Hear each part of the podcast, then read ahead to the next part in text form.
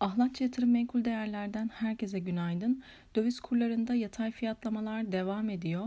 Dolar TL 13.48 ve Euro TL ise 15.23 seviyelerinden fiyatlanıyor. Bugünün en önemli gündem maddesi FED toplantısı olacak. FED'den bu yıl 3 veya 4 faiz arttırımı beklenirken ilk faiz arttırımının Mart ayında gerçekleştirilmesi planlanıyor.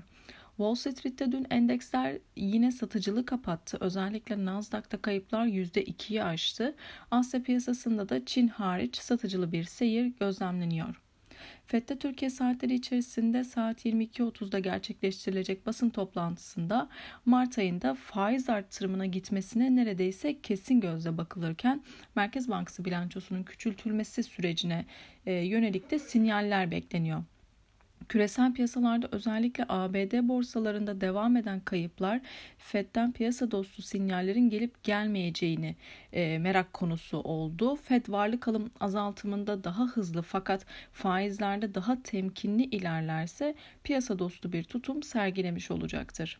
Ons altın tarafında dün ilk kez Kasım ayından bu yana 1850 dolar seviyeleri geçildi. Fed'den gelecek sinyaller ons altının e, fiyat yönü açısından belirleyici olacak. Yukarıda özellikle 1870 ve aşağıda 1830 dolar seviyeleri destek olarak çalışabilir.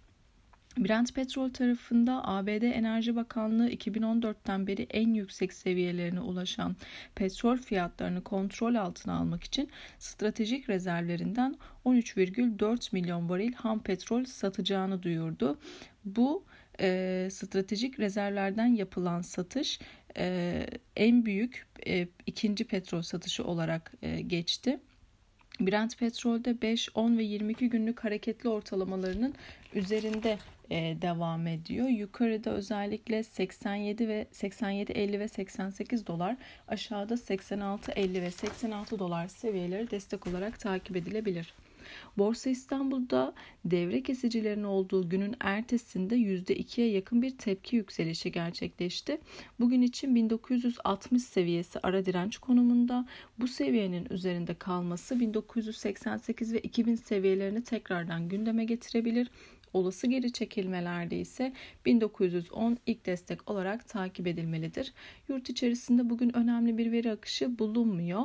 E, Amerika'da yeni konut satışları e, takip edilecek. Aynı zamanda saat 10'da e, FED faiz kararı ve saat 10.30'da ise e, FED'in basın toplantısı gerçekleştirilecek. Herkese bol kazançlı güzel bir gün dilerim.